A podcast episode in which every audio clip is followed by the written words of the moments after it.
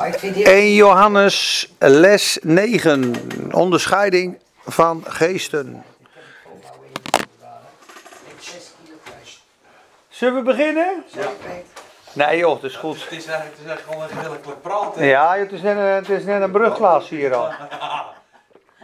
En jij zeker de hoofdmeester. Ja, Ja, de hoofdmeester. Dat was mijn vader vroeger, hè? Wout Duis, de showmeester. Zo. Dit is prima. Ehm, nou, wij waren vorige keer in 1 Johannes 3. Hoe groot is de liefde van de Vader die Hij ons gegeven heeft dat we kinderen van God genoemd zouden worden? En wij zijn het ook, daarom kent de wereld ons niet. Toen wou ik eigenlijk heel hoofdstuk 3 doen, maar ja, daar, daar zijn we niet aan toegekomen. En omdat we nog maar een paar lessen hebben. Volgende week gaan we, als het goed is, eh, naar de Grace-conferentie in Ede. Dus ik weet niet of mensen zich al opgegeven hebben. Dan moet je even doen op eh, frontrunners.com. En anders doe ik het wel voor je op Instagram. En er kunnen bij mij sowieso drie tot vier mensen meerijden. Zoran Sparovski komt uit Macedonië. Staat ook in Handelingen. Macedonië, die Macedonische man, kom en help ons in dat visioen. Maar dat is een man, ze noemen hem de hedendaagse Paulus, noemen ze hem bijna lachen. Maar die, die is een ontzettende genadeprediker, maar die heeft ook gigantische profetische gaven. Hij heeft bijvoorbeeld ook wel eens, dat weet ik van Tom, in een visioen gezien dat Stefanus gestenigd werd. Dus toen was hij aan het bidden thuis van ja, wat zou dat toch eh, pijn gedaan hebben bij die Stefanus. En toen was hij een paar weken later in een visioen, toen keek die Stefanus aan. Toen zei Stefanus, en ik voel helemaal niks joh. Ik voel helemaal niks, voel ik. Zou Stefanus niks gevoeld hebben? Maar door de kracht van de geest, heren reken, Ja? Hij zei, ja, en die heeft over Klaas eh, geprofiteerd. eh, hoeveel engelen? 288 engelen heb je om je heen. Ik zei, nou, dat Klaas vertwillet. Ik zei, dat is wel heel veel. Sifra had er 86 of 88, die had er 236. Maar goed, ik, eh, het is een hele bijzondere man. Die heeft heel veel kennis van het woord en is al heel lang bezig. Maar die heeft echt een mooie genadeboodschap. En dan komt Jan Paul komt en eh, Tom de Wal komt ook. Eh, maar goed, ik kan niet vier avonden, denk ik. Maar ik ga volgende week gaan we dus de Bijbelstudie daar houden. Met andere woorden, lekker erheen. In Ede, in de schuilplaats in Ede. Er zijn nog tickets. Lekker aanbidden en dan een mooie dienst. De Grace. Kijk, het is nu 4 mei, dan is het dus 11 mei. Dan 18 mei is waarschijnlijk, ja, ik weet niet of het de laatste les is. Of dat we nog één les. Ja. Hemelvaart? Hemelvaartdag, 18 mei. Dan ben we vrij. Ja, Ja. Er wordt 25 mei? dan ben jullie er niet. Nee. Ik ook niet. Dan is het eigenlijk gewoon nu de laatste les of zo. Hoe we dan hebben sneltreinvaart hoofdstuk 3, 4 en 5 toe. Rupper, toen is wel klaar. Nee, nee, maar ja, dat maakt op zich niet uit hoor. Maar eh, het is wat het is. We kunnen, ik kan ook nog een les eh, inspreken hier hoor. Dat maakt me ook niet uit. Dat ik les 4 en 5 eh, gewoon opneem. Eh, of hoofdstuk 4 en 5. Dat wil ik wel behandelen. Maar goed, ik ga nu snel door hoofdstuk 3 heen. Maar hoofdstuk 3 die zet heel goed twee kanten neer. Wat van de Heer is, wat niet van de Heer is. Wat echt is, wat niet echt is. En dan begint hij in hoofdstuk 4 ook weer over. En daar eindigde die mee in hoofdstuk 2 over de misleiding van de antichrist en de zalving. Dus ik maak een paar stapjes. Maar we willen vanavond dus kijken naar onderscheiding van geesten. Deze dingen heb ik u geschreven met betrekking tot hen die u misleiden. Dus tegen de misleiding. Nou, de meeste mensen die hier zijn, die zijn al heel wakker. Die doorzien dingen. Hij doorziet dingen, jullie doorzien dingen, hij doorziet dingen. Wij zijn niet dom. Je, je hebt al, hè, dat staat er ook. Hè? En wat u betreft, de zalving die u van hebt ontvangen hebt, blijft in u. En u hebt niet nodig dat iemand u onderwijst. Vers 27, hoofdstuk 2 staat eventjes. Maar zoals deze zalving u onderwijst met betrekking tot alle dingen. En die zalving is waar en geen leugen. En zoals u heeft onderwezen, zo moet u in hem blijven. En vers 20 zegt u, u hebt een zalving van de Heilige Geest en u weet alle dingen. Dus in de gelovige, Christus in u, zit een onderscheidende macht, een beschermende macht, die ons de waarheid heeft verkondigd. Dus wij weten wat van de Heer is, wat van de boze is, wat van de wereld is, wat niet van de wereld is. Maar er is nog meer misleiding en listige misleiding, want er zijn zelfs christenen die zijn misleid. Die geloven iets anders, zijn uh, afgedwaald. Nou, waar we vanavond naar willen kijken is de vormen die Johannes aanspreekt in die brief. En we zullen wel zien waar het heen gaat. Want ik sta er echt blanco in. Ik heb uh, het laatste moment uh, gedacht, waar gaan we het over hebben? Maar ik vertrouw gewoon dat het goed komt. Um, ik begin te lezen in hoofdstuk 3, vers 7. Daar beginnen we. En dan gaan we straks ook een stukje van hoofdstuk 4 doen. 1 Johannes 3, vers 7, daar beginnen we. Misleiding, antichrist, licht en duister, de geest, de geest te beproeven. Hoe weet je of iets uit God is? Nou, en we hebben een Psalm 92 vorige keer al behandeld in de zalving. En daar stond al: U opent mijn oog voor mijn verspieders. Ik zal nog een klein stukje lezen, Psalm 92. De zalving is een van de voornaamste dingen om je te beschermen tegen de listen van de vijand. En dus ook de misleiding. Psalm 92, vers 11 zegt: U zult mijn horen, mijn gezag, opheffen als die van een wilde os. Ik ben met verse olie overgoten. Mijn oog zal de val aanschouwen van hen die mij bespieden. Zie dat? De bespieders. Mijn oog ziet het. Mijn oren zullen horen wat de kwaaddoeners overkomt die tegen mij opstaan. Discernment of spirits is ook een gave in 1 Korinthe 12.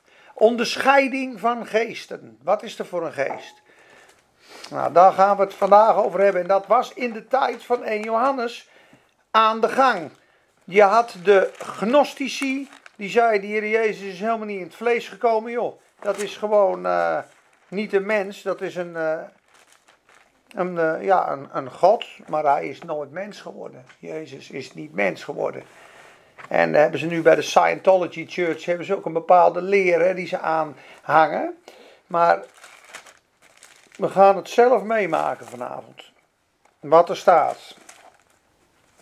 1 Johannes 3, vers 7. Ja, daar gaan we beginnen. Oké. Lieve kinderen, laat niemand u misleiden. Wie de rechtvaardigheid doet, is rechtvaardig zoals hij, de Heer Jezus, rechtvaardig is. Wie de zonde doet als levensstijl, is uit de duivel. Want de duivel zondigt vanaf het begin. Hiertoe is de Zoon van God geopenbaard dat hij de werken van de duivel vernietigen zou. Verbreken zou, en staat destroy. Als je iets breekt, dan is er nog over. Als je iets vernietigt, is er niks meer van over. De werken van de duivel zou vernietigen. Dit prachtige vers. Ieder die uit God geboren is, doet de zonde niet. Leeft niet in een zondige wandel. Kan wel fouten maken, maar leeft niet in zonde. Want zijn zaad, het goddelijke zaad, blijft in hem. En hij kan niet zondigen. Waarom kan hij niet zondigen? Omdat hij uit God geboren is. Nou, daar zijn de meningen over verdeeld, hè, dat laatste stukje. Ik geloof dat het gaat over je nieuwe mens. Die kan niet zondigen. De andere mensen zeggen nee, het gaat over iemand die kan niet in de zonde blijven leven. En, maar ik vind dat niet kloppen, want in 1 Korinthe 5 is namelijk een christen die met zijn schoonmoeder samenwoont. Die leeft wel degelijk in zonden. Die moet buiten de gemeente geworpen worden. Dus er zijn christenen die leven soms in overtreding. Dus ik ben het daar minder mee eens dat het dat zou kunnen betekenen. Ik vind het wel mooi als het zou betekenen: nee, jouw goddelijke mens, die uit God geboren is, die kan niet zondigen. Die is geschapen in heilige, ware rechtvaardigheid. God kan niet liegen, zegt de Bijbel. Ik ben als God. In mijn geest zit geen slecht. in mijn vlees zit geen goed. Dus ik geloof echt wat hier staat. De Bijbel zegt, en hij kan niet zondigen. Waarom niet? Omdat hij uit God geboren is. Hieraan zijn de kinderen van God en de kinderen van de duivel te herkennen. Zie je, hebt kinderen van God en kinderen van de duivel. Staat er heel duidelijk, hè? Hier kun je de algehele verzoeningsleer al mee tackelen. Hier zeggen ze, die zeggen gewoon, er zijn allemaal kinderen van God. Hij is gekruisigd voor iedereen, hij is gestorven voor iedereen. En de hele kosmos is wedergeboren. Want God was in Christus de wereld met zichzelf verzoenende. En niet de zonde aanrekenen, met andere woorden, de hele wereld is zalig. Maar dat klopt niet. Dat is ook al een misleiding. Want er staat gewoon duidelijk, hieraan zijn kinderen van God te herkennen en kinderen van de duivel. We hebben kinderen van God en kinderen van de duivel. Heel simpel. En een kind van de duivel kan er heel mooi uitzien. Iedereen die de rechtvaardigheid niet doet, is niet uit God. Evenmin als hij die zijn broeder niet lief heeft. Want dit is die boodschap die u vanaf het begin gehoord hebt. Dat wij elkaar moeten lief hebben. Niet zoals Kain. Hij was uit de boze en sloeg zijn broer dood. En waarom sloeg hij hem dood?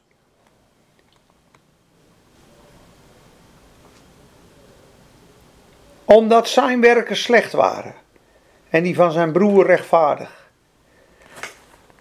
Klein stukje tussendoor. Kain, zijn werken waren niet rechtvaardig en die van Abel wel. Weet iemand waarom dat was? Want je zou toch zeggen, hij heeft zijn uiterste best gedaan, die Kain. Kain was een akkerbouwer. Die was aan het ploegen. Die heeft me toch een partij zijn best gedaan. En die gaf van de vruchten van het veld, gaf hij een offer aan God. En dat werd niet aangenomen. Maar het waren ook niet zijn eerstelingen. En Abel, die slacht een bokje. Dat is genade. Dat was een schaapherder. Die zat lekker onder een boom, schaapjes aan het doen. En Kain die was verbitterd, want die was keihard aan het strijden en aan het werken. En zijn werken waren boos. En het offer van Abel sloeg de Heere acht op. En van Kain niet, en toen sloeg hij hem dood. Maar Kain bracht zijn eigen werken. Kunnen we misschien wel even kort lezen, dat is het mooi duidelijk. Ik heb ook een keer ergens gehoord dat er ook een sleutel in zit. Kain en Abel. Genesis 4. En Adam had gemeenschap met zijn vrouw Eva. En ze werd zwanger en baarde Kain. En zei: Ik heb een man van de Heere gekregen. En ze baarde opnieuw zijn broer Abel. Abel werd herder van kleinvee en Kain werd bewerker van de aardbodem. Een hovenier. Of een tuinder. Na, en het gebeurde na verloop van dagen dat Kain van de opbrengst van de aardbodem aan de Heere een offer bracht. Ook Abel bracht een offer, zie je, van de eerstgeborene van zijn kleinvee en van hun vet. En de Heere nu sloeg acht op Abel en op zijn offer. Maar wat staat er in vers 3? En het gebeurde na verloop van dagen dat Kain van de opbrengst van de aardbodem gaf. Kain wachtte niet met zijn eerstelingen. Abel gaf van zijn eerstelingen, de eerstgeboren, het allereerste wat, wat kwam, de allereerste vrucht, bracht hij bij God. Het is allemaal uit u, het is allemaal genade. Dat werd aanvaard. Kain wachtte vele dagen. Had eerst zelf en van het restant waarvan hij gewerkt had, gaf hij aan God. Eigen werken. Werd niet aanvaard. En 1 Johannes 3 vers 12 zegt, want hij was van de boze. Zijn werken waren boos. Het is heel heftig. Het komt zelfs zo. Ik had vandaag een discussie met iemand over de uitverkiezing, over het kiezen en dat God kiest, of de barmhartigheid en mensen die bij God horen. Maar uiteindelijk in Handelingen 13 staat er gewoon: U oordeelt uzelf onwaardig voor het eeuwige leven. Zegt Paulus tegen een paar mensen, tegen die Joden. U oordeelt uzelf onwaardig voor het eeuwige leven. Ik, uw bloed is op uw eigen hoofd, ik ga verder naar de heidenen. En iemand zei vanmiddag tegen me, ik denk dat die zonde is dat je uiteindelijk niet aanvaardt die liefde en die genade van God. wat erachter zit is misschien wel hoogmoed of wat dan ook. Want wij zijn van nature heel verknipt. Als God zegt je bent schuldig, dan rechtvaardig je. Dan zeg je helemaal niet, ik ben heel niet zondig, dan komt de die of de die of de die. En als God je rechtvaardigt, dan vind je jezelf ineens tekortschieten en schuld. En dan is het ineens, ja maar ik heb dit en ik heb dat. Dus aan de ene kant aanvaard je zijn genade niet, aan de andere kant aanvaard je ook niet zijn oordeel. Dus we zijn heel vijandig tegen God. Maar een mens die gebogen is, die zegt, ja klopt, ik ben schuldig. Wat u zegt is waar. En ik neem dankbaar uw genade en vergeving aan. Die hebt twee keer met God vrede. Zie je hoe corrupt en verdraaid die mens is? En Paulus komt bij die Joden en ze oordelen zichzelf onwaardig voor het eeuwige leven.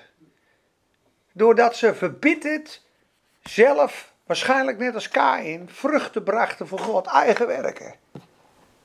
Dus dat haalt Johannes aan in 1 Johannes 3, Kain.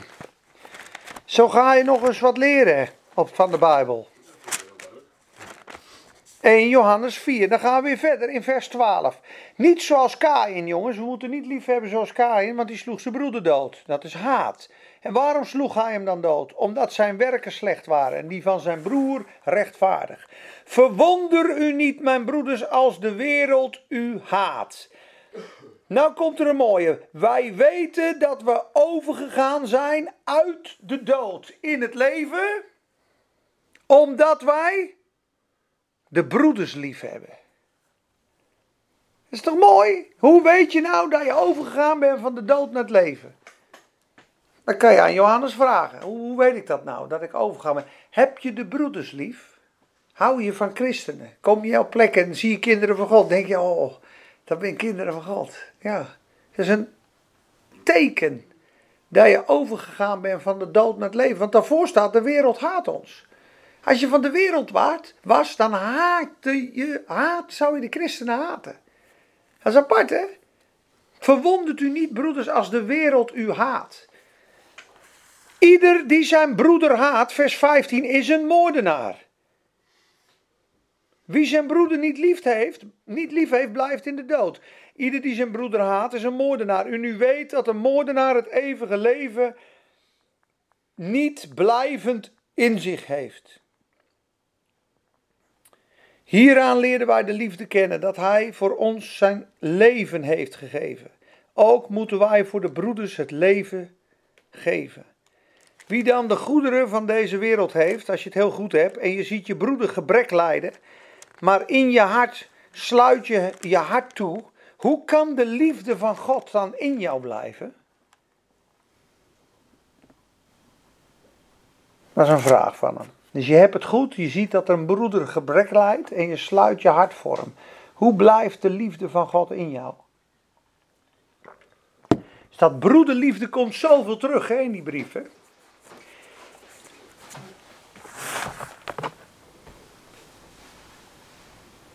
Er staat een stukje over.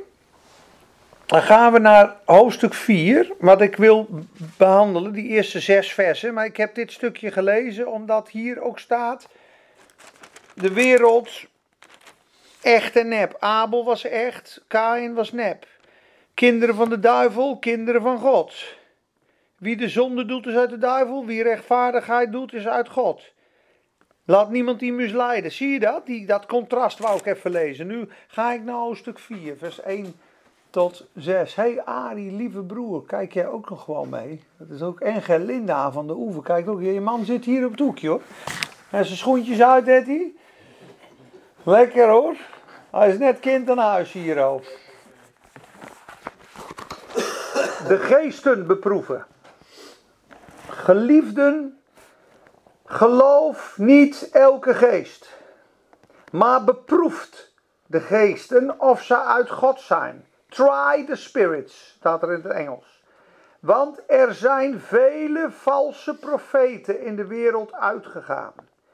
Hieraan leert u de geest van God kennen. Elke geest die beleidt dat Jezus Christus in het vlees is gekomen, is uit God. En elke geest die niet beleidt dat Jezus Christus in het vlees gekomen is, is niet uit God. Maar dat is de geest van de antichrist.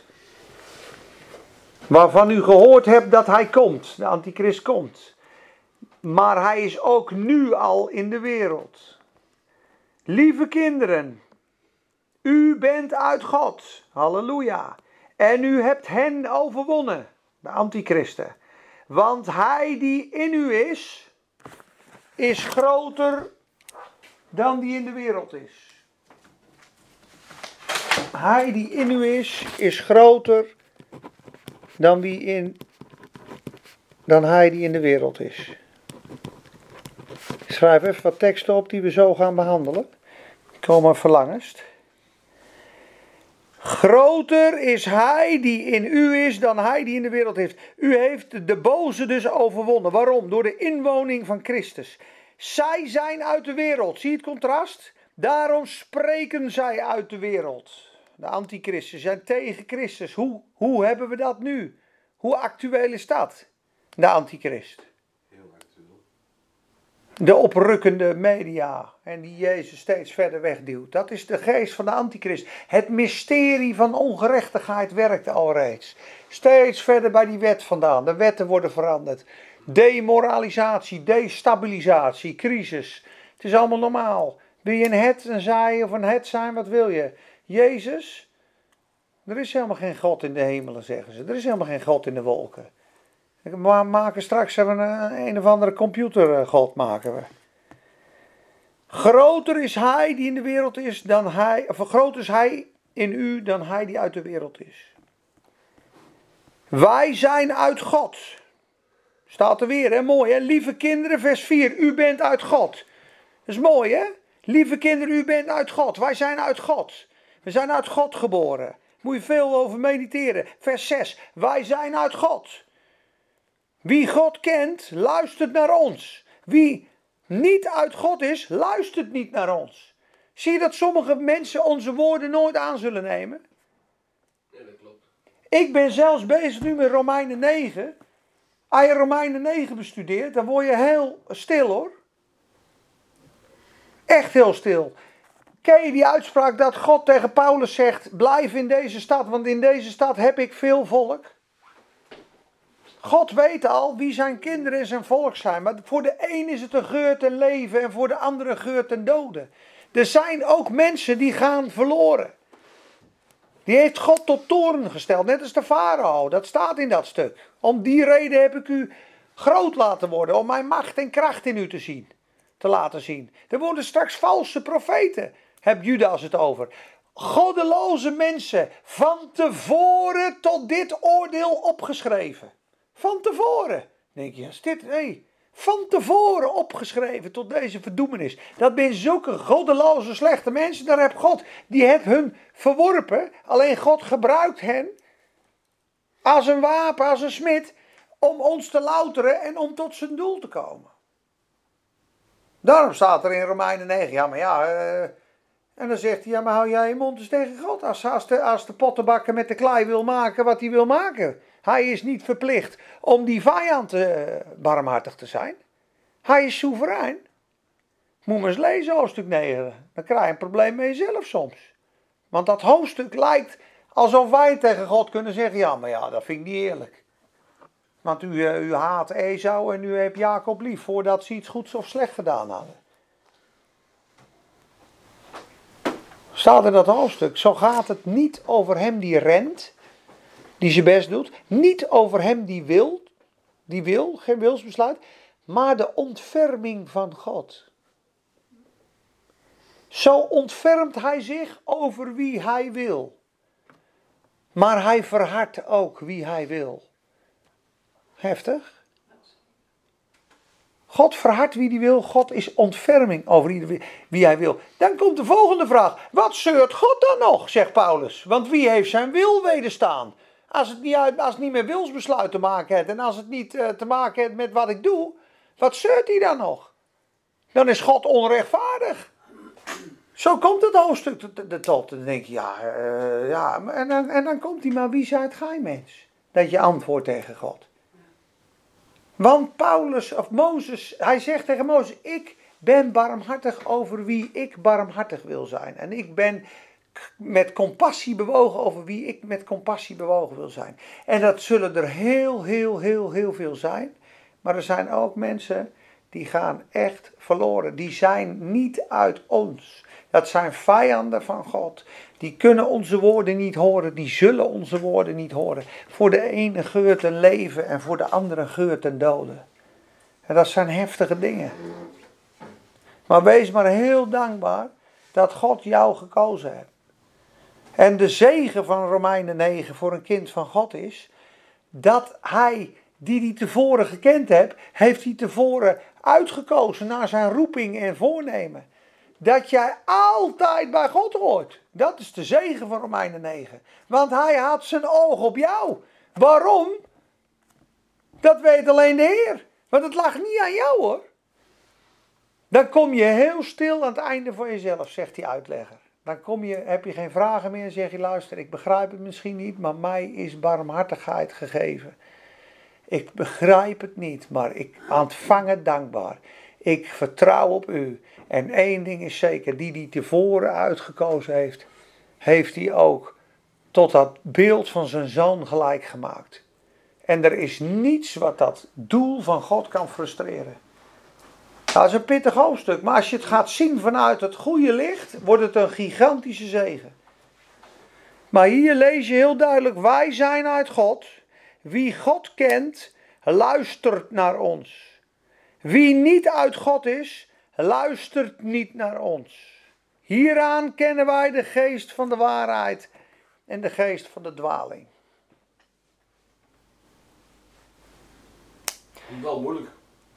Ga maar eens met mij mee naar Handelingen 13. Ja, dat is heel moeilijk. Misschien gaan we straks Romeinen 9 ook nog even aantikken. Want jongens, we moeten dat ook lezen. Dat is ook de schrift. Dat is ook de Bijbel. Dat hoofdstuk wordt altijd geskipt. Of gedraaid, of verdraaid, of nee, dat betekent dit, of dat. Nee, dat, dat, dat, daar zat Paulus ernaast. Daar is ook nog wel eens van gemaakt. Paulus had een paar foutjes gemaakt in hoofdstuk 9. ja. Paulus had een slechte dag. Met de Romeinen 9 zit hij er even naast. Toen was hij even naar de koffieshop geweest. Ja. Even twee haltjes van, een- van een dikke sticker die hebben daar ergens. Ja, in zo'n tempel in Korinthe. En toen heeft hij wat opgeschreven. Toen was hij zo in de war. Maar Romeinen 9 is een van de moeilijkste hoofdstukken van de Bijbel. Maar er zit de grootste zegen aan verbonden. En als je gaat zien wat dat betekent, dan weet je dat het plan wat God met jou heeft vaststaat. Van eeuwigheid tot eeuwigheid. Dat is de zegen van Romeinen 9. Maar de naakte waarheid is ook dat God verkozen heeft om niet iedereen barmhartig te zijn. Waarom? Ja, dat, daar krijg je geen antwoord op in dat hoofdstuk. En als je dus zegt van heer, waarom niet? Dan zegt hij, wie ben jij? Dan, Ja. dan ben je toch eh, uitverkoren. En daar is altijd zo'n discussie Ja. over. Maar ja, Daar is het antwoord op. maar we gaan, we gaan eventjes het licht lezen in Handelingen 13. We gaan eens even kijken wat hier gebeurt in Handelingen 13. Vers. Nou, ik zou je zeggen, ik doe even een korte, een korte overview en dan beginnen we straks in, even kijken, bij de preek van Paulus. En dan zeggen ze op een gegeven moment, Paulus, hé, hey, en nog een mooi woord voor ons. En eh, oh ja, dat begint straks in vers 15. Jullie zijn lekker aan het gapen, heerlijk. Is zo- Halleluja. Ik zat daar zo'n beetje. Ja, jullie allemaal gezegend. Hoeven weer te luisteren. Ik, ik heb er nog geen één keer uit. Ik ben zo ben lui. Je lui aan het worden? Ik heb het niet, hè. Ik- We doen hem lekker kort vanavond. Of ga je met je halfje op Hurmse sjouwen leggen? Zo. Nee, Paulus is aan het vasten en bidden in Antiochië. En de Heilige Geest zegt, zondert mij af Paulus en Barnabas. Dan gaan ze naar een stad toe, dan beginnen ze het evangelie te preken. Dan komen ze zo'n tovenaar tegen, Elimas. Die wederstaat ze. Die bestraft die, er komt daar een grote opwekking. Op een gegeven moment gaat Herodes, die krijgt praatjes. Die gaat in, in hoofdstuk 12, die staat in een goud gewaad. En eh, dan zeggen ze, dit zijn de woorden van een God en niet van een mens. En werd hij door een engel geslagen, van de wormen aangevreten. En hij stierf ter plekke. Dat is ook handelingen, hè? Een engel des heren sloeg hem. Heb je dat wel eens gelezen? Nee, handelingen 12. Dan is er een oorlog op een gegeven moment en dat volk zegt, joh, we willen geen oorlog. En op een gegeven moment geeft Herodes zijn genade. En dan staat hij in een blinkend gewaad. Houdt hij een toespraak aan het, tegen het volk. En dan zeggen alle mensen: De woorden van een God en niet van een mens. En toen staat er: En terstond sloeg een engel van de Heer, sloeg Herodes. En hij werd van de wormen aangevreten en gaf de geest. En het volgende vers is: Daarna verbreidde het woord van God des te meer. Dus dat grote bolwerk was weggehaald. En voem, opwekking. En dan komt hij op een gegeven moment, gaan ze rondreizen, overal waar ze komen, in de kracht van de, van de genade. En dan komen ze in de tempel, of in het dorp, in de synagoge van Antiochieën. En dan zegt iemand in die, in die synagoge, Paulus, hij nog een woord van bemoediging voor ons. En dan gaat hij wat uitleggen over de opstanding van de Heer Jezus. En dan moet je kijken, maak ik straks even een sprongetje, want anders is het een heel stuk lezen. Maar hij gaat daar in vers 15 na het voorlezen van de wet en de profetenliefde de hoofden van de synagoge tegen hen zeggen: Mannen, broeders, als er bij u een woord van bemoediging voor het volk is, spreek het dan. Nou, en dan Paulus begint te vertellen, joh, vroeger was het volk Israël in Egypte. En op een gegeven moment werden ze in het vulkaan aan. En toen kregen ze rechters. En toen kregen ze Saul. En toen kregen ze David. En op een gegeven moment is hij dat evangelie aan het vertellen. En dan komt hij bij de opstanding. In vers 30. Maar God heeft hem uit de doden opgewekt. Tot vers 37. Hij preekt daar die opstanding. Is nou mijn batterij bijna leeg, jongens? Ja, nu is hij weer aan het, uh, aan het laden. Hij preekt daar de opstanding. En op een gegeven moment gebeurt er iets moois en iets heel verschrikkelijks. Let op wat er gebeurt met de Joden en met de heidenen in dit stuk. Over uitverkiezing gesproken of over verharding. Er is een stuk eigen verantwoording en er is een stuk uitverkiezing. Het, het zit in het midden. God kiest en de mens heeft een verantwoording. Ja? Farao's hart werd verhard door God. Maar er staat ook drie keer: en Farao verhardde zijn hart. Dit stuk ga je precies hetzelfde lezen. Waarom we dit doen, ik weet het niet. Maar wij.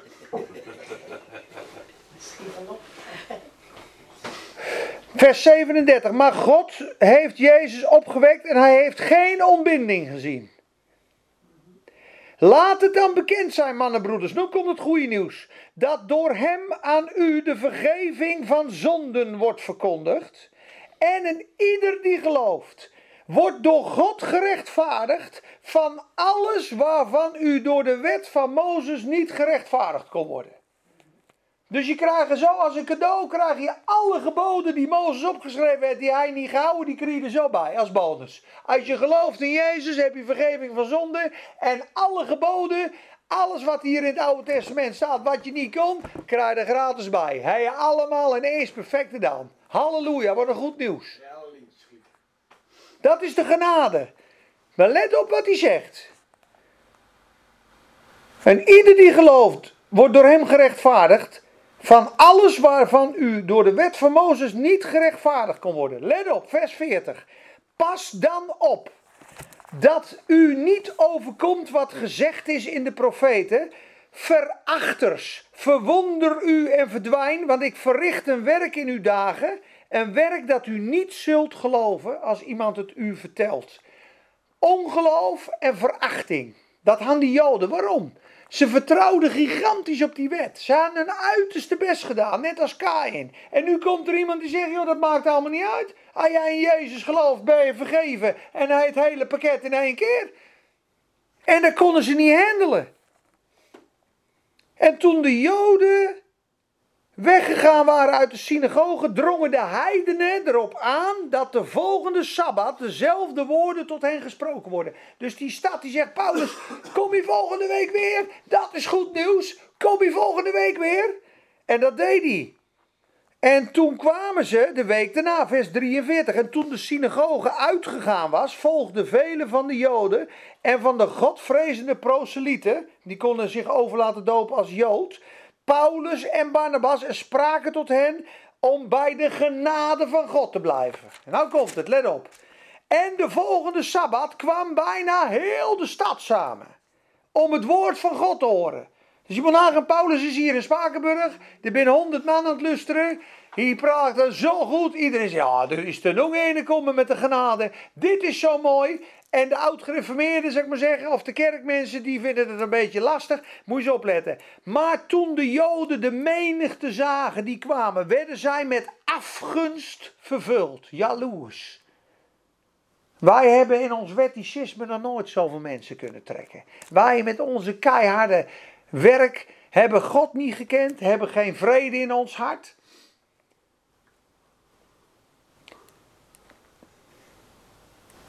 En zij werden van afgunst vervuld.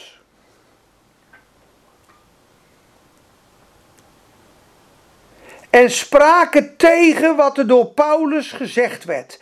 Ze spraken niet alleen die genadeboodschap tegen, maar ze lasterden het ook.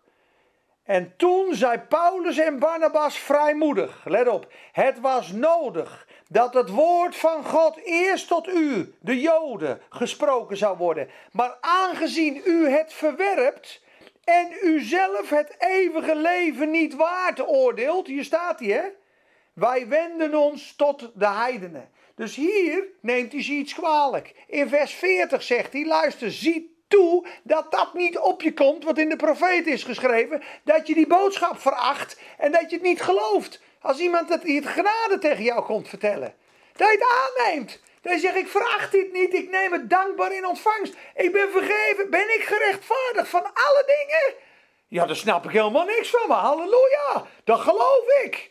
De Joden deden dit niet. Zij verwierpen zijn woord. Ze zei tegen Paulus, hier, loopt, hier loopt dom te lullen. Even plat gezegd. Dat is een lasteraar. U oordeelt uzelf het eeuwige leven niet waardig. Wij wenden ons tot de heidenen. Want zo heeft de Heer ons geboden. Ik heb u tot een licht voor de heidenen gesteld, opdat u tot zaligheid zou zijn tot aan het uiterste van de aarde.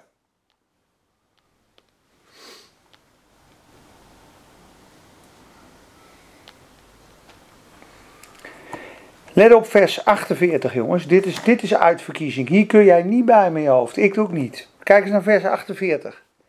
Wat staat er? Toen nu de heidenen dit hoorden, verblijden zij zich en prezen het woord van de Heer. En er geloofden er net zoveel als bestemd waren voor het eeuwige leven. Hier kunnen wij niet bij als mens. Want alles lief uit de grote wereld. Ja. Ja. Ja, maar de algehele verzoening zegt, kijk, hij gaf zijn leven voor de hele wereld, dus iedereen is gered. Want hij betaalt voor iedereen. Dat moet je wel aannemen. Maar de Joden verwerpen het, ze verharden zich.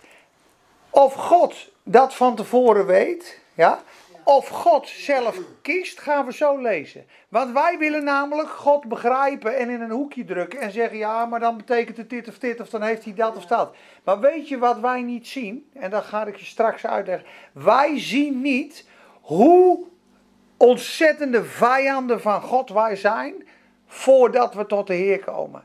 En dat God al die vijanden, ja, rechtvaardig voor eeuwig in de verdoemenis zou kunnen plaatsen. En dat hij totaal rechtvaardig zou zijn.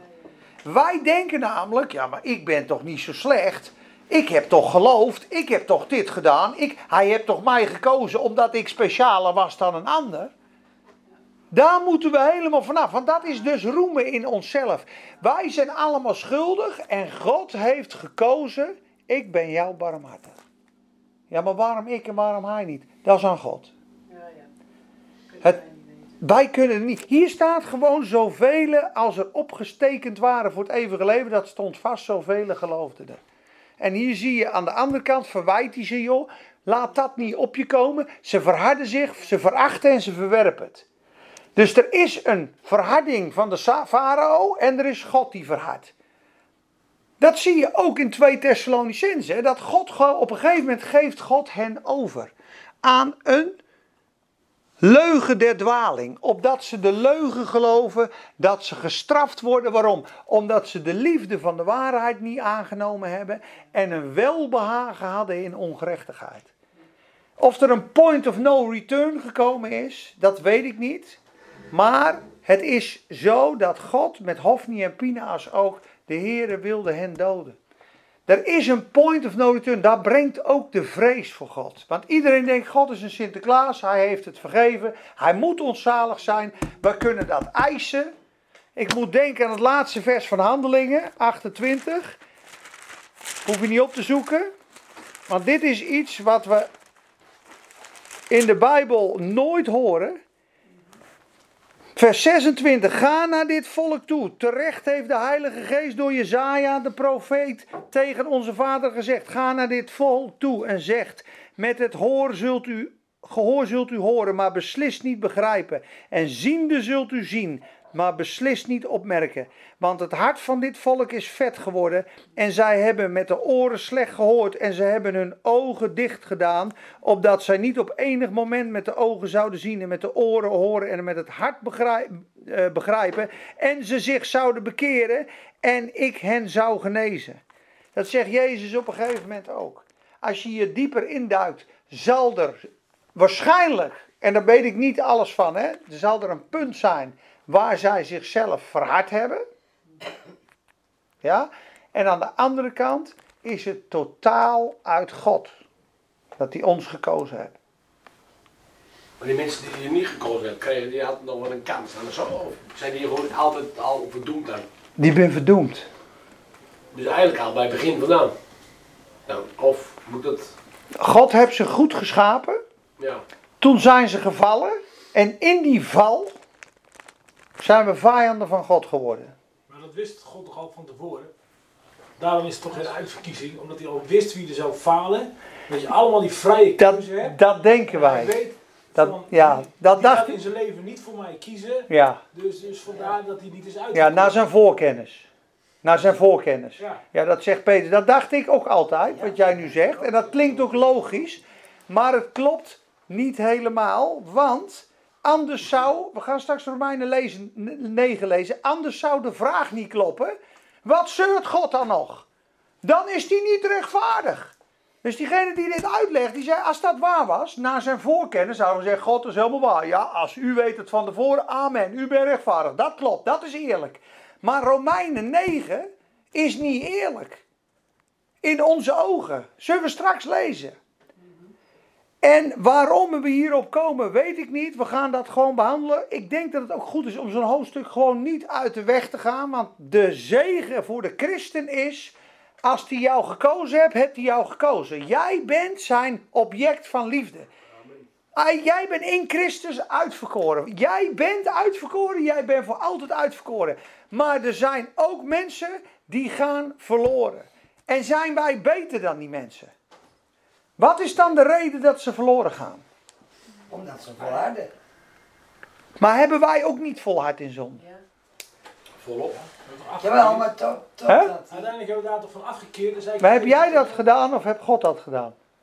God voor mij, Jezus voor mij. Maar ik heb het over aangenomen. Ja, dus Die jij. andere mensen zijn verhard, die willen het niet aannemen. En God wist dat ze nooit die keuze gingen maken. Ja, Want als, Ja. dan, dan, wat je dus nu vertelt, is dan is het echt een uitverkiezing. Dus dan hebben wij geluk en die andere heeft pech. Dat staat in Romeinen 9. Ja, dat, dat- Ja, maar wij vinden dat moeilijk. En wij gaan ons dan met de God in discussie, maar dat klopt niet. Nee, maar ik begrijp jou helemaal. Ik begrijp hem ook. Zo, En, zo dacht ik ook. maar de vraag, die vraag die wij nu hebben, dat, moet, dat conflict moet ontstaan. Want daar gaat Romeinen 9 over. En wij moeten dus op het punt komen. U bent soeverein. U bepaalt. Ik ben zalig. Ik doe wat u zegt. En verder hou ik mijn mond. Maar wij willen eigenlijk antwoorden. Waarom hij dan niet en die dan niet en die dan wel? En waarom? Want u bent dan niet rechtvaardig als u hem in de hel gooit. Want dat wist u al. Ja. Is ook lekker wel heel makkelijk, ja. Dat is, zo werkt het dus niet. Ja, we gaan het zo lezen. Ik, ik lees nog even in Handelingen 13. Maar in Handelingen 13 zie ik ze allebei, eh, Teun. We zien mensen die het verwerpen, verachten en niet geloven. Dus dat is helemaal de eigen verantwoording van de mens. En we zien, ja, en we zien vers 48. Er geloofden er zoveel als ze bestemd waren voor het eeuwige leven. Dat is heftig. Waren ze allemaal bestemd voor het eeuwige leven of geloofden ze allemaal? Als, als, als het een gave van God is, het geloof. Maar je weet toch er in de hemel komen? Maar waarom is God dan, waarom is God dan onrechtvaardig in Romeinen 9? Maar hij, zegt, je zegt, je zegt, er geloofde er zoveel als dat hij beste- bestemd had in de hemel te zijn. Ja. Dus hij wist toch dat het die, dat aantal het was dan? Ja? Dus, dat, dus dan kan hij dat... Maar hij is toch God? Hij kan toch iedereen redden? Maar het is toch een liefdesrelatie? Hij wist toch dat de mensen niet voor hem gingen kiezen? Hij, het, God- Maar niemand heeft- niem- Niemand heeft van nature voor hem gekozen. Nee, maar ik begrijp jou. Ja? Zullen Wij- we... Maar wij hebben die genade ontvangen. Ja? Uit God? Ja, uit God. En, Ja? en daaruit, Ja? van die, dus God had de eerste liefde in ons gegeven. Daardoor konden wij lief hebben. Ja. En daardoor hebben heb, heb jij... Maar heeft hij die ook niet aan die heidenen en die fariseeërs gegeven? Ja, maar die, dat klopt, maar die, die, die, die, die doen er niks mee. Nee, maar dan hebben hun dus de, de keuze Ja. om, om barmhartigheid van God te Ze krijgen. Ja? Ja, nou dan gaan we Romeinen 9 lezen.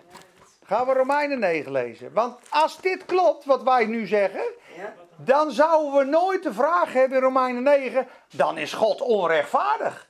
Want die vraag komt boven. Die keus gegeven. Die heeft ze allemaal die liefde gegeven. Die Nee, laten we maar Romeinen 9 lezen. Want dan, ga je toch een andere, dan krijg je nog een andere invalshoek. Want wij willen namelijk, wij willen namelijk dat God zo is zoals wij denken dat hij moet zijn. En dat is het niet natuurlijk. Nee. Hij zegt, ik zal barmhartig zijn over wie ik barmhartig wil zijn. En ik verhard wie ik wil. Daar kunnen wij niet bij met ons hoofd. Nee. Want dan zeg je, ja dat klopt niet. Nou, let maar op wat er staat. Ik vind het ook moeilijk, hè. Maar we gaan het niet uit de weg, jongens. We gaan niet Romeinen 9 overslaan omdat het nou zo moeilijk is. En we hebben inderdaad in zijn, zijn vrouw komt uit die hoek vandaan, dus ik snap het heel goed. Gergem, we hebben hier heel veel oude zwarte broeders. Maar of ze het nou verwerpen of dat ze er niet bij horen, of dat ze niet geloven dat ze er niet bij horen. Maar de zwartgallige kant van de uitverkiezing is onbarmhartig, genadeloos en brengt dood. Dat is het niet. De uitverkiezing is een zegen voor een kind van God. Romeinen 9 is aan een kind van God geschreven.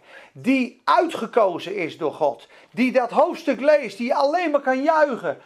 Waarom hebt u voor mij gekozen? U hebt mij barmhartigheid gegeven. Ik ben uitgekozen. Ik snap het niet. Ik ben niks meer dan een ander. Maar ik ben uitgekozen door u. Halleluja. Dat is het hoofdstuk 9 voor een gelovige. Zullen we het eens lezen? Waarom is hoofdstuk 9 geschreven? Hoofdstuk 8 is net geweest en God heeft gezegd: niets kan ons scheiden van zijn liefde. Niets kan het doel en het plan wat God, ik neem even Teun als voorbeeld. God heeft een plan met Teun. En toen Teun kende hij van tevoren, heeft hij van tevoren geroepen, heeft hij ook al verheerlijkt, naar zijn eigen vo- voornemen. Naar de roeping en de uitverkiezing en de liefde van God heeft hij hem uitgekozen. Ja, en hij zegt in Romeinen 8, zegt Paulus, er is geen verdoemenis, er is geen scheiding. Als God een doel en een plan met iemand heeft, is dat onmogelijk om ooit nog te verbreken. Als God iets begint, dan maakt hij het altijd af. Nou komt de aanklacht tegen Paulus in hoofdstuk 9, daarom schrijft hij hoofdstuk 9. Als dat dan waar is, Paulus. Als God iets begint met een mens, ja, en hij maakt het altijd af. Hoe zit het dan met de Joden? Dat vragen ze aan hem. Als jij zegt dat God iets uitkiest en daar altijd mee doorgaat, hoe kan het dan dat de Joden niet gered zijn? Dat is de vraag die hij krijgt. Kijk maar eens wat hij nu gaat antwoorden. Eerst zegt hij dat hij van zout. Ik weet de waarheid in Christus. Ik lieg niet en mijn geweten getuigt mee door de Heilige Geest. Het is een grote bron, van droefheid voor mij en een ver- verdurende smart in mijn hart. Want ik zou wel vervloekt van Christus willen zijn ten gunste van mijn broeders, mijn familieleden wat het vlees betreft. Dus die had zo'n verlangen dat zijn broeders gered zouden worden, die Israëlieten. Die zegt zelf, bid hij tot God, laat mij dan maar vervloekt worden als hun maar gered hebben. Zo'n passie en zo'n liefde heeft hij voor ze. Ja? Ze zijn Israëlieten. Voor hen geldt de aanneming tot kinderen, de verbonden, de eredienst en de belofte. Tot hen behoren de vaderen en uit hen, wat het vlees betreft, is de Christus voortgekomen. En nu zegt hij, ik zeg dit niet. Dit is het, het sleutelvers van Romeinen 9, is vers 6. En vers 7 tot vers 13 is de uitleg ervan. Ho- vers, hoofdstuk 9, vers 6 zegt dit. Ik zeg dit niet alsof het woord van God vervallen is. Er staat in een andere vertaling. Ik zeg dit niet als- alsof Gods belofte en Gods belofte niet meer van kracht is. Of dat het op zou houden. Want niet allen die uit Israël voortgekomen zijn, zijn Israël. Hij zegt niet alle Israëlieten zijn de echte Israëlieten. Want de echte Israëlieten zijn niet Abrahams nageslacht, maar Isaaks nageslacht. Dat betekent niet de natuurlijke nazaat van Abraham zijn kinderen van God. Wat de vrijgemaakte kerk gelooft, door de geslachten heen zijn we kinderen van God. Maar die in Isaac geroepen zijn. Dat zijn de gelovige geestelijke nazaat. Dat is het Israël. Dus jij bent geestelijk nazaat van Abraham. Daarom ben jij een kind van Abraham, noemen ze jou in de Bijbel. Maar jij bent geen Jodin. Toch? Jawel, In de geest wel. Ik er wel vanaf. Oké, nou dat is mooi. Maar ja, hij is een Jood doordat hij in Christus is. Hij is ook een Jood geworden. Wij zijn het nazaat van God. Let op, nu komt het. Ook niet omdat zij Abrahams nageslacht zijn, zijn zij kinderen, vers 7.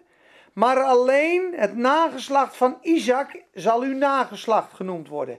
Dat is dus niet de kinderen van het vlees, niet de natuurlijke kinderen van Abraham zijn kinderen van God, maar de kinderen van de belofte worden als het nageslacht gerekend. Want dit is het woord van de belofte. Rond deze tijd zal ik komen en zal Sarah een zoon hebben. En dit niet alleen, maar zo was het ook met Rebecca, die zwanger was van één man, namelijk Isaac, onze vader. Dan komt die vers 11, nu wordt het moeilijk hoor. Want toen de kinderen nog niet geboren waren, nog iets goeds of kwaad gedaan hadden, opdat het voornemen van God, wat naar uitverkiezing is, stand zou houden, niet uitwerken, dus niet wat wij doen, maar hem, uit hem die roept. Dus God heeft jou geroepen. Ja?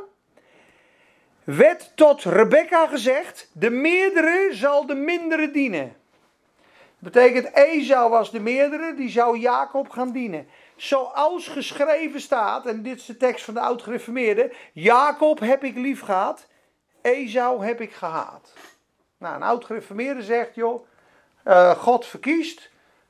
Of je bent een Jacob of je bent een Esau. Daar kan je helemaal niks aan veranderen. Dus ja, eh, je krijgt gewoon een haak in je nek. En eh, ja, het kan maar zo zijn dat je een Esau bent. Het kan zomaar zijn dat je een Jacob bent. Punt. Dat zegt hij, zwartgallig. En hij komt nooit tot de genade, hij komt nooit tot de vergeving. Dat durven ze niet aan te nemen. Terwijl God duizenden, duizenden, duizenden wil zalig maken. Maar wij hopen, en ik hoop dat ook heel graag, dat de hele wereld gered wordt. Dat wil jij toch ook? Jij wil dat iedereen gered wordt, toch? Rita, Ja, ik zit er nou te denken. wil je niet dat iedereen gered wordt? Ik- Menselijk gezien heb ik er een paar... eh, Ja, Dat is ook li een liegenkast, ik Ja, weet er ook voor, hè. Dat ik Op dat niet heb, maar, maar ja. Nou, nu komt vers 14. Als, oké, dus voordat, voordat ze iets goeds of fout gedaan hebben, ja, en voordat ze geboren zijn, heeft God gezegd, Jacob heb ik lief gehad, Ezo heb ik gehaat. Dat klinkt vrij onrechtvaardig, toch? Ja. Ja, maar kijk maar naar vers 14. Dat vraagt hij dan ook. Wat zullen we dan zeggen? Is er onrechtvaardigheid bij God? Nou, God is niet eerlijk, zegt hij, want ja, hij kiest die en hij kiest die. Volstrekt niet. Want hij zegt tegen Mozes: Ik zal mij ontfermen over wie ik mij ontferm. En ik zal barmhartig zijn over wie ik barmhartig wil zijn. Hier komt de soevereine keuze van God. Zo hangt het dus niet af van hem die wil. Ook niet van hem die hard loopt, maar van God die zich ontfermt. Het hangt af van God die zich ontfermt. Want de schrift zegt tegen Farao: Hiertoe heb ik u verwekt, dat ik in u mijn kracht bewijzen zou en dat mijn naam verkondigd zou worden op de hele aarde. Dus hij ontfermt zich over wie hij wil en hij verhardt wie hij wil. Komt het volgende vers. Let op, nu komt het hè. U zult dan nu tegen mij zeggen, wat zeurt God dan nog? Want wie heeft zijn wil wederstaan? Met andere woorden, hij legt uit, het heeft niet met de wil te maken, het heeft met de ontferming van God te maken. God kiest zelf in zijn soevereiniteit wie hij wil liefhebben en barmhartig zijn. En hij is niet verplicht om iedereen barmhartigheid te schenken. Dit, dit wordt nooit gepreekt.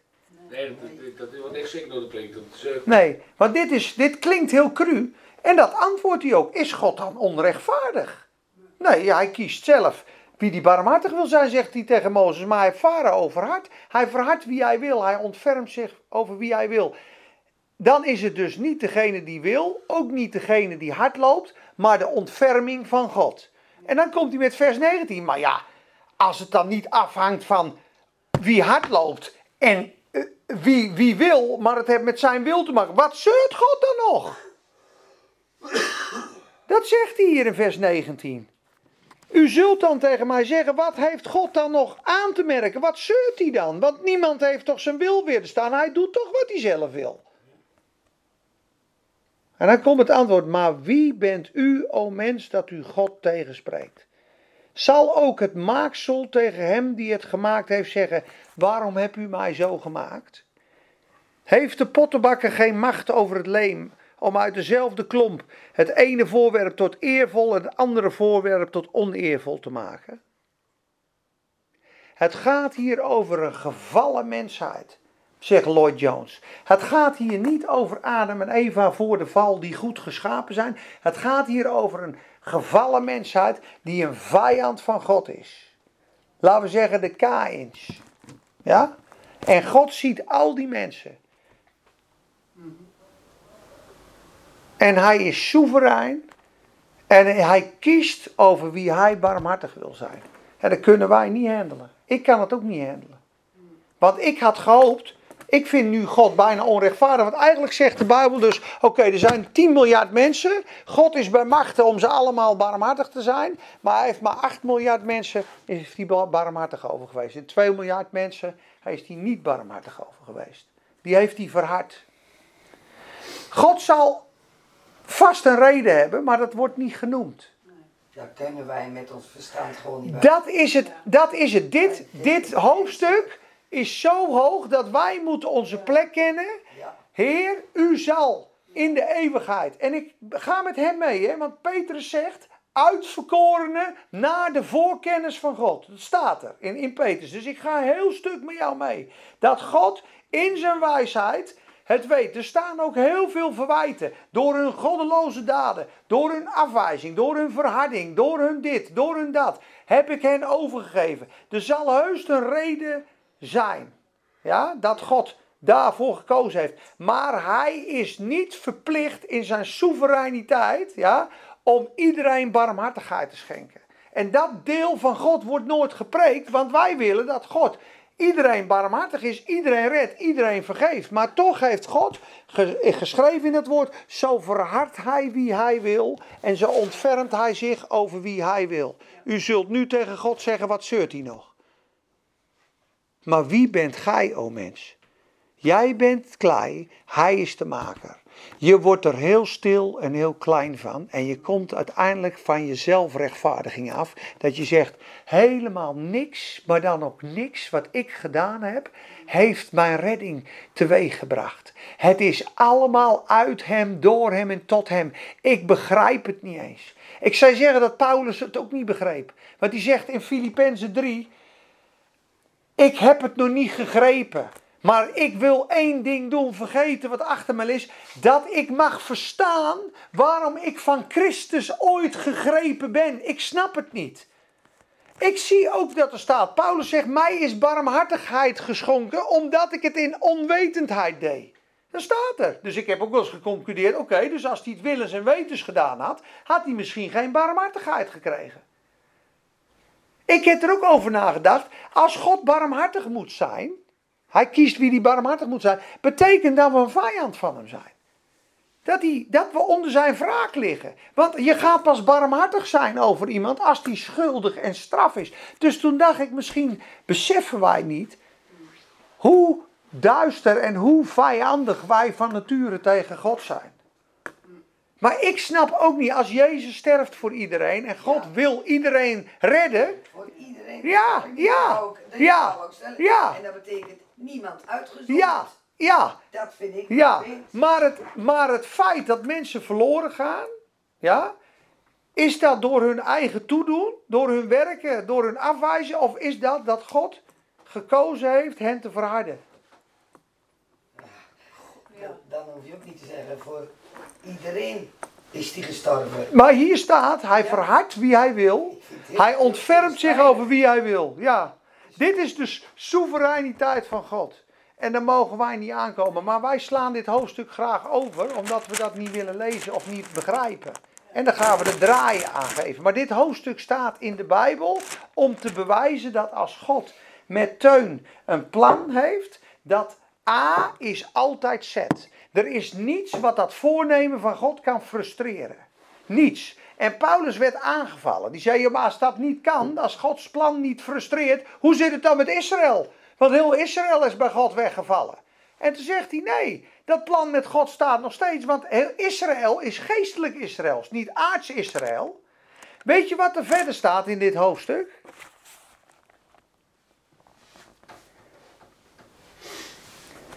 Vers 23. En dat met het doel om de rijkdom van zijn heerlijkheid bekend te maken over de voorwerpen van zijn ontferming, die hij tevoren bereid heeft tot heerlijkheid.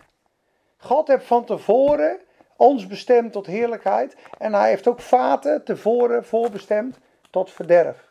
Kunnen wij niet bij met ons hoofd. Want dan zeggen we God is niet eerlijk, want hij kiest van tevoren al eh, wie, wie, wie wel en wie niet. Nou ja, dat, dat zou ik niet zeggen, want God is wel eerlijk. Ja. Vertrouw ik. Dus moet dit woord, dit woord moet iets in ons denken, in ons hart en onze visie naar God veranderen. Dat wij op het punt komen luisteren. Hij is soeverein. Ja. Hij verhardt wie hij wil. Hij ontfermt zich over wie hij wil. Wat de reden is, heb ik niks mee te maken. Eén ding weet ik, mij is barmhartigheid gegeven. Ik ben een voorwerp van heerlijkheid tevoren bestemd. Ik ben uitgekozen. Het is een gigantische zegen. Ja? Want kijk eens wat hij zegt aan het eind. Hè? Zoals hij ook in Hosea zegt: Ik zal niet mijn volk noemen, ja, de heidenen, mijn volk. En wij die niet geliefd waren, noemt hij ons nu geliefde. En op de plaats waar stond geschreven: U bent niet mijn volk, daar zullen ze nu kinderen van de levende God genoemd worden. En Jezaja roept uit over Israël. Al zou het getal van de Israëlieten zijn als het zand van de zee. Slechts een overblijfsel zal behouden worden. Slecht nieuws, hè? Want hij voltooit een zaak en handelt die af in gerechtigheid. De Heere zal zijn zaak snel afhandelen op de aarde. En zoals Jezaja van tevoren zei, als de Heere van de hemelse legermachten ons geen nageslacht had overgelaten, waren we allemaal geworden als Sodom en Gomorra. Wij waren allemaal geworden als Sodom en Gomorra, recht naar de hel en de verdoemenis, als God niet ontferming had gegeven over ons. Maar God is zo heilig en zo soeverein dat wij geen snars te maken mee hebben wat hij doet met een gevallen mensheid. Of die farao gebruikt tot zijn doel, of die die laat struikelen, of die die... Ik weet niet wat zijn diepste, diepste wezen is. Maar daar moeten wij van losblijven. Maar wat je wel leest in Romeinen 9 is dat als hij jou barmhartigheid geschonken heeft, dat hij jou barmhartigheid geschonken heeft. Dat jij nooit meer uit zijn voornemen gaat en dat jij niets, maar dan ook niets daar zelf aan toe kan voegen of af kan doen. En hoofdstuk 10, daar ben ik ook nog mee bezig, gaat over de verantwoording van de mens. En er staat op een gegeven moment ook, God heeft die heidenen zalig gemaakt om de Israëlieten tot jaloersheid te verwekken. En dat God nog een plan hebt met de mensen. Geloof ik zeker. En dat er heel veel zalig worden, geloof ik zeker. En het sluit af, hoofdstuk 19 en 11 sluit af met diepte des rijkdoms. Wie heeft God ooit kunnen doorzien? Want uit hem en door hem en tot hem zijn alle dingen. Met andere woorden, klein, nietig mens. Zie op God, hou je snavel en laat God God zijn en laat jij mens zijn. Dat doet hoofdstuk 9. En een goddeloos iemand maakt er een walgelijk doods evangelie van waar niemand gered kan worden. Maar je ziet het in openbaring een schare die niemand tellen kan. Uit alle naties, die zijn tot geloof. Er worden miljarden, miljarden, miljarden zalig. Maar er staat ook gewoon in die stad heb ik veel volk. Maar niet de hele stad. Waarom? Ik weet het niet. We krijgen er geen antwoord op. Maar ik weet wel één ding. Het is niet jouw werken. Het is niet jouw wilsbesluit. Het is zijn barmhartigheid en verkiezing. Dat is heftig, hè? Dat is de Bijbel dit. Is hoofdstuk 9. En als jij eigenlijk het, de vraag hebt, joh, ik vind het niet eerlijk. En wat zeurt God dan nog? Dan heb ik het goed uitgelegd. Want als we het namelijk gaan goed praten, dan zeg je nee, dat is niet, dat is niet oneerlijk. Nee, dat is eerlijk.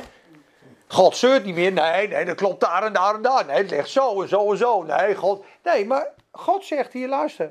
Ik bepaal wie ik verhard en wie ik barmhartig ben. En daar heb jij niks mee te maken. Dat is de Bijbel.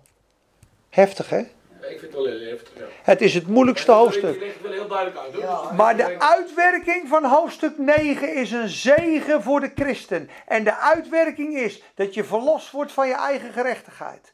Dat je op God ziet dat jij mens bent en Hij God is. En dat je alleen maar kan danken en loven. En waar het moeilijk is, dat had Paulus ook. Want ik denk ook, jongen, hoe zit het dan met mijn buurman? Hoe zit het met mijn straat? Waarom is God dan niet barmhartig? Ik moet daar niet mee bezig zijn. Ik moet het evangelie preken. Voor de ene geurt een leven. Voor de andere geurt een doden. Dat God mensen gaat redden. Dat we bidden voor mensen. Dat doet Paulus aan het begin van het hoofdstuk. Hij wil aan het begin van het hoofdstuk zegt hij, ik bid tot God dat ik zelf vervloekt word. Voor die, voor die, voor die eh, Israëlieten. Als er één van die mensen houdt, ben ik het. Het is een gedurige smart in mijn hart voor Israël. En dan begint hij in hoofdstuk 10 begint hij weer. Ze hebben een ijver voor God, maar niet naar verstand. Want ze zoeken hun eigen gerechtigheid op te richten. En ze hebben de gerechtigheid van God, onderwerpen ze zich niet aan. Ze hebben de Heer Jezus verworpen. En er staat ook gelukkig weer, en zo zal heel Israël zalig worden. Oh, God had iets beters, opdat iedereen zalig zou worden. Hoofdstuk 11 vers 32. Snap ik het allemaal? Nee. Hoop ik dat iedereen gered wordt? Ja. Maar wordt iedereen gered? Nee. Maar wij denken ten diepste dat het aan ons lag. Dat hij ons redde. En dat gedeelte houdt het dus de redding en de verkiezing van God hangt af van mij. Van mijn rennen, van mijn wilsbesluit, van mijn doen en laten. Omdat ik dit deed, koos hij voor mij. Dus als ik dit blijf doen, blijft hij voor mij kiezen. Nee, nee, nee, vriend. Jij was pikzwart, een vijand. En ik heb, jou ontferming over jou. Heb ik jou gegeven uit genade.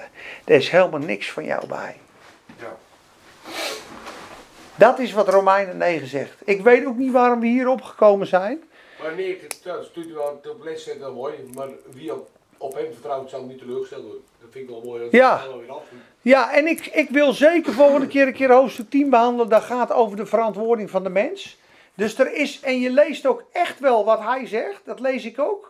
Voorkennis, uitgekozen. En er staat verharding. En dat God je op een gegeven moment overgeeft. Ja. Maar er staat ook voordat ze geboren waren. Voordat ze goed of slecht gedaan hadden. Jacob heb ik lief gehad. Esau heb ik gehaat. Opdat de verkiezing en het voornemen van God zou zijn uit verkiezing en ontferming. En niet uit hem die wil of roept. Dus er zit een soeverein gedeelte van God waar wij niet aan mogen komen. En wij willen het in een hokje plaatsen en dit is de reden daar en daar. En God zegt, jullie zijn mens, jij bent klei, ik ben de maker. En dat moet je heel stil maken. Nou, lukt aardig. God is God. Ja, dat vind ik ook, ja. Wij zijn mensen. Romeinen 9 heb ik nog nooit iemand horen overpreken. Alleen met een zwartgallige, oud gereformeerde stijl. Maar waarom gaat er van de duizend man maar één aan het avondmaal? Omdat ze het verkeerd interpreteren. Want iedereen is welkom. En hij ziet in handelingen 3000 discipelen, 5000, het vermenigvuldigde. En het vermenigvuldigen. En overal wies het woord van God. En overal dagelijks kwamen mensen tot de gemeente. En overal werd het evangelie gepreekt. Maar misschien is het wel 96%, je weet het niet. Dat weten wij niet, hoeveel God er zalig maakt en wat hij gekozen heeft. Maar we zien ook, en daar sluit ik mee af, want als je het over uitverkiezing hebt, dan geef ik één mooie over de uitverkiezing van Superzegen. En dan geef ik een hele moeilijke vanuit Judas. En dan sluiten we af, mag je er zelf met God over worstelen. Maar het is ook de Bijbel, jongens. En we moeten niet dingen verdraaien omdat we het moeilijk vinden. Ja, maar je net zeggen, nou, dat is misschien wel 96%, maar hij dan denkt je 9, dat is wat je net las, al was het aantal zo Ja. talrijk als Ja. het zand aan Ja. het strand van de zee, toch zal er maar een klein deel van hen overblijven. Ja.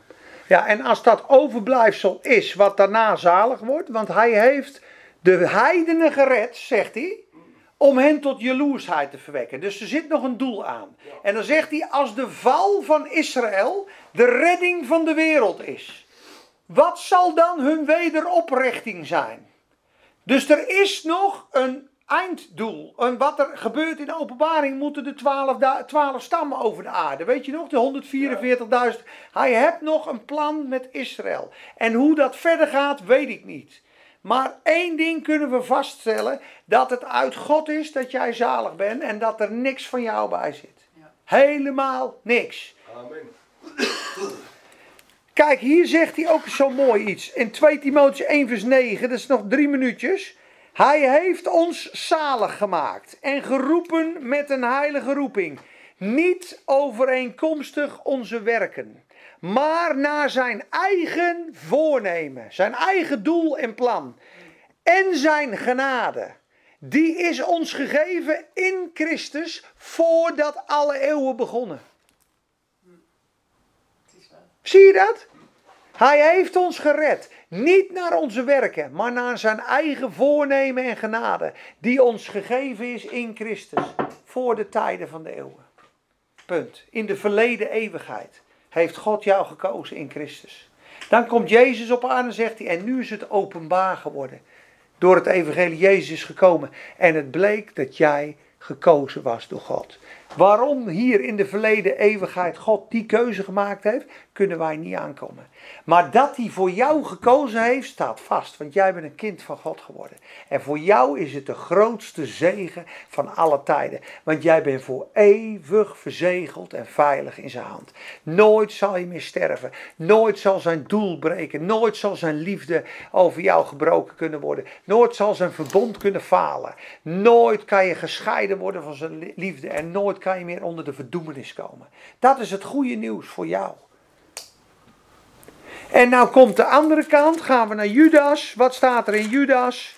Goddeloze mensen die de genade van onze God verdraaien en omwisselen. Wat staat er? Ja, het is heftig hoor. Je moet niet eh, bij de gasten van Judas horen. Zal ik je vertellen. Maar de Bijbel beschrijft het ook gewoon jongens hè. Hier moet kijken, Judas. Over de valse leraren. Geliefde, toen ik mij met alle inzet toezette u te schrijven over de gemeenschappelijke zaligheid. Ik wou gewoon schrijven over onze redding, zonder allerlei toeters en bellen, schrijft hij. Werd ik genoodzaakt u te schrijven met aansporing om te strijden voor het geloof. dat eens en voor altijd aan de heilige overgeleverd is. Want er zijn sommige mensen binnengeslopen. Die tot dit oordeel al lang tevoren opgeschreven zijn. Goddelozen, die de genade van onze God veranderen in losbandigheid en de enige heerser, God en onze Heer Jezus Christus verloochenen. Ik weet het niet wat God gezien heeft in die mensen. Misschien heeft God gezien, die is zo door en door en door slecht. Dat is zo'n vieze, smerige rat. Ja, die red ik niet. Daar maak ik een valse leraar van om de kerk te zuiveren. Ik weet het niet. Wat hij met Farao gezien heeft. Hij heeft Farao opgericht om zijn kracht en macht over de hemel bekend te maken. Hiertoe heb ik u verwekt. Hij bepaalt wat er met Farao gebeurd is. Farao is verdoemd. De hele Egyptische schelfzee is afgeslacht, jongens. Is God. Is dat dan barmhartigheid? Die Sodom en Gomorra omgedraaid hebben. Dat is het oordeel van God, hè? Dat is zijn soevereiniteit. Wordt niet meer gepreekt. Omdat God is toch genade en liefde. Daar gaat het hier over in Judas. Dat komt straks in de kerk. Love is love. God is genade. Hij oordeelt helemaal niet meer, joh. Iedereen komt er. Algehele verzoening. En dan zegt Judas, ben je gek? De engelen die tevoren gezondigd hebben, hebt ver- hebt hij in banden van Tataris bewaard voor het oordeel. En de steden van Sodom en Gomorra heeft hij omgedraaid. Die liggen als voorbeeld. En Lot, die rechtvaardig man die zijn ziel gekwe- gekrenkt had. En de engelen die hun woonsteden verlaten hebben. Dus met andere woorden, God oordeelt nog wel rechtvaardig. En maak geen spelletjes met God. En God is mega barmhartig, maar hij is soeverein in wie hij zijn barmhartigheid wil doorgeven. En ik weet niet of dat met werken of rennen te maken heeft, maar de Bijbel zegt, het is zijn ontferming, het is zijn voornemen. Punt. Daar word je heel klein van. Misschien is dat wel de uitwerking. Heel, eh, heel dankbaar. Ja, ook dat. Juist vooral. Kan je er wat mee van de oever of hij liever thuis gebleven? Nee, nee, ik wil het graag uh, volledig Ja. nalezen. Ja, lees het maar eens na. iedere mens, weet je met God, met eigen geest, eigen conclusie eruit trekken. Ja, geopenbaard door Gods geest. Maar kijk maar eens naar vers 14 en vers 19. Want vers 14 zegt, is er dan onrechtvaardigheid bij God? Want dit lijkt wel dat dat niet rechtvaardig is wat hij doet. En dan vers 19, wat zeurt God dan nog? Want ja, wie heeft zijn wil wederstaan? Hij doet toch alles naar zijn eigen wil? Apart hè?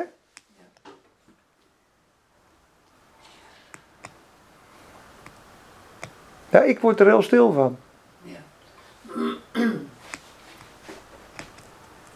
stil, maar het ook wel heel duidelijk.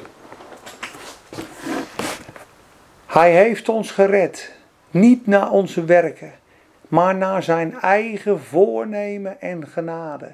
Die is ons gegeven in Christus voor de tijden van de eeuwen. Toen was jij nog niet eens aan het ademen. Ga jij het maar vertellen. Je kan maar één ding doen. Heer, ik snap het niet. Maar ik dank u voor uw genade. Ik snap er niks van. Ik denk dat Paulus dat ook zegt. Hè? Ik jaag Christus na waartoe ik van hem gegrepen ben. Of ik dat mag vatten. Waarom hij mij gegrepen heeft. Waarom ik, heren. Ja jongens, ik snap het ook niet. Maar we danken de Heer maar. Amen. Ja, ik eindig hierbij. Ik word er wel stil van.